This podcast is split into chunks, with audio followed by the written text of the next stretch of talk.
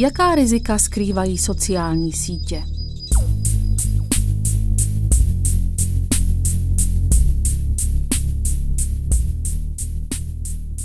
Tak samozřejmě sociální sítě mají jak svoje pozitiva, tak svoje negativa.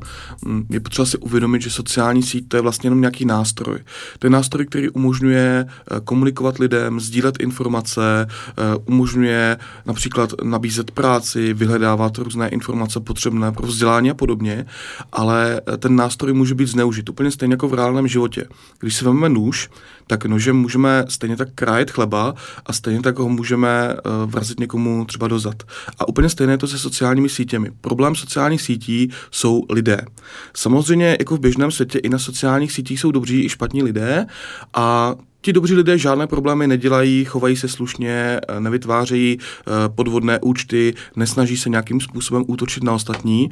Na druhou stranu je tam velké množství uživatelů, kteří eh, ať už zkouší různé druhy černého humoru, nebo eh, si zkoušejí přímo útoky na jiné uživatele a to je ten základní problém, tedy lidský faktor.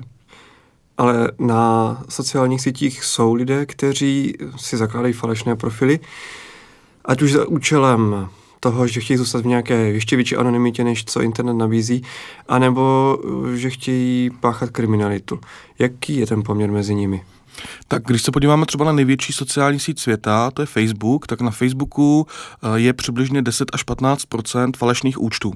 Eh, to jsou účty, které prokazatelně byly vytvořeny za účelem buď zamaskovat svoji vlastní identitu, eh, nebo někoho napadnout, nebo třeba šířit nějaké obchodní sdělení. A když bychom to převedli na čísla, tak sociální síť Facebook má přibližně 1,5 miliardy uživatelů a z toho zhruba 100 až 150 milionů jsou falešné účty. Podobně je to i u českých sociálních sítí, i u zahraničních sociálních sítí. Eh, prostě tam to rozmezí přibližně 10 až 15% jsou ty podvodné účty.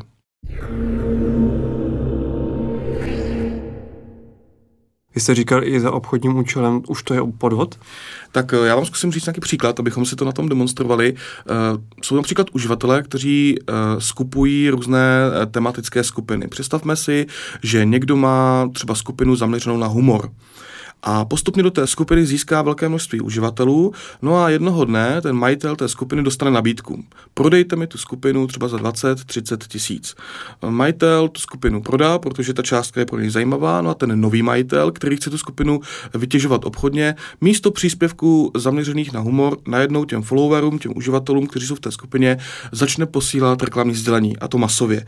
A protože ta komunita těch uživatelů je velká, tak je tam jistota, že jednoduše ti lidé kliknou na tu reklamu, že když byli zvyklí eh, číst ten humor, tak budou předpokládat, že tam třeba bude něco vtipného, něco zajímavého a on tímto způsobem začne vlastně tu skupinu vytěžovat a nakonec dojde k totální destrukci té skupiny, protože lidé začnou tu skupinu opouštět, nebudou tam nacházet obsah, eh, na který byli zvyklí.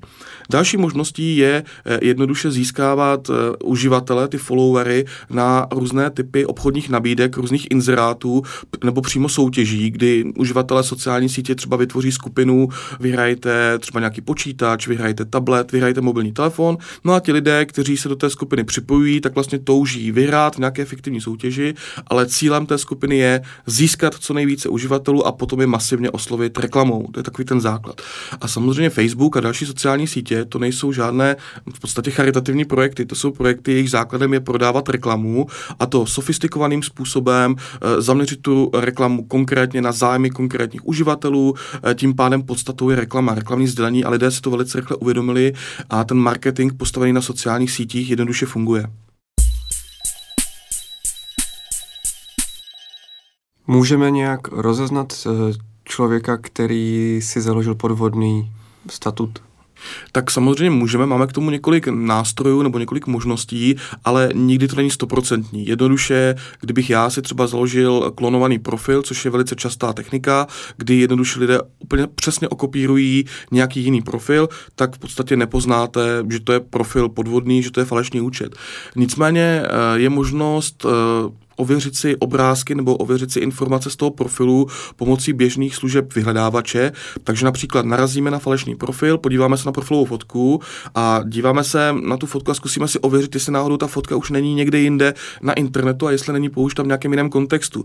Takže můžeme použít třeba služby Google obrázky, která nám umožní přesně lokalizovat místo té původní fotografie a tím pádem můžeme říct, aha, tohle není Pepa Novák, ale tohle je tenhle člověk, protože ta fotografie je spojená úplně s jiným profilem, byla publikovaná třeba před pěti, před deseti lety, no a ten falešný profil ji pouze využívá. Měly by být falešné profily postaveny mimo zákon? Tak jestli by měly být postaveny mimo zákon. Falešné profily uh, porušují pravidla sociálních sítí. V sociálních sítích jednoznačně napsané, že když si vytváříte profil, tak ten profil by měl obsahovat opravdu skutečné informace, pravdivé informace, pravdivou fotografii. Na druhou stranu falešné profily používají i děti, třeba pro zábavu, kdy si dítě založí uh, fiktivní profil, uh, třeba dítěte opačného pohlaví a skrz ten profil komunikuje s jiným dítětem, jako po legraci.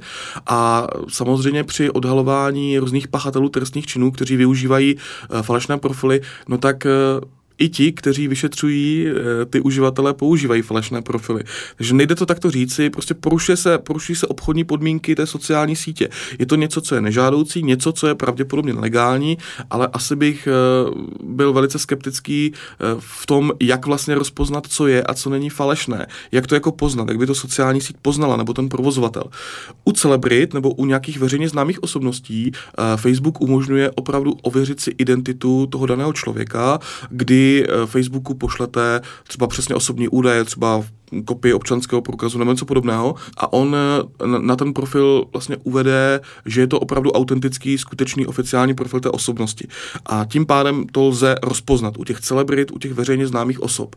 Ale u běžného uživatele to prostě nepoznáme, nejsou žádná vodítka, která by nám dokázala říct, že opravdu tento profil patří tomuto člověku.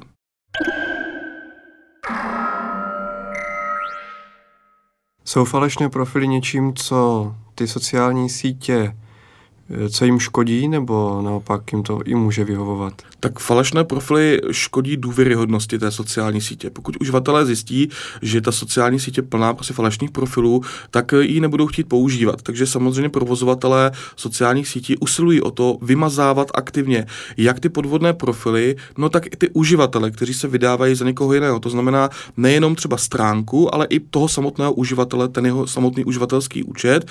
Nicméně ty profily naskakují pořád, trvalé ale jeden den smažete milion profilů, druhý den tam je ten milion zpátky, protože ti uživatelé, pokud není zakázaný přístup přímo z IP adresy, z toho konkrétního počítače se do té sociální sítě nikdo nedostane, no tak není prostě možné zajistit, aby ten uživatel si tam znova ten falešný profil jednoduše nezaložil. Takže je to trochu boj s větrnými mlíny, ale co znám, všechny ty hlavní provozovatele, všichni mažou falešné profily a spolehají také na komunitu lidí, těch uživatelů, kteří budou hlásit falešné profily, kteří prostě nahlásí hlásí eh, těm administrátorům, že se jedná o podvodný profil, že je potřeba ho smazat, odstranit, případně identifikovat tu osobu na té druhé straně. Pane Kopecký, děkuji. V příštím příspěvku budeme hovořit o tom, jak české děti působí na Facebooku a jak to působí na ně. Díky. Naschledanou. Naschledanou.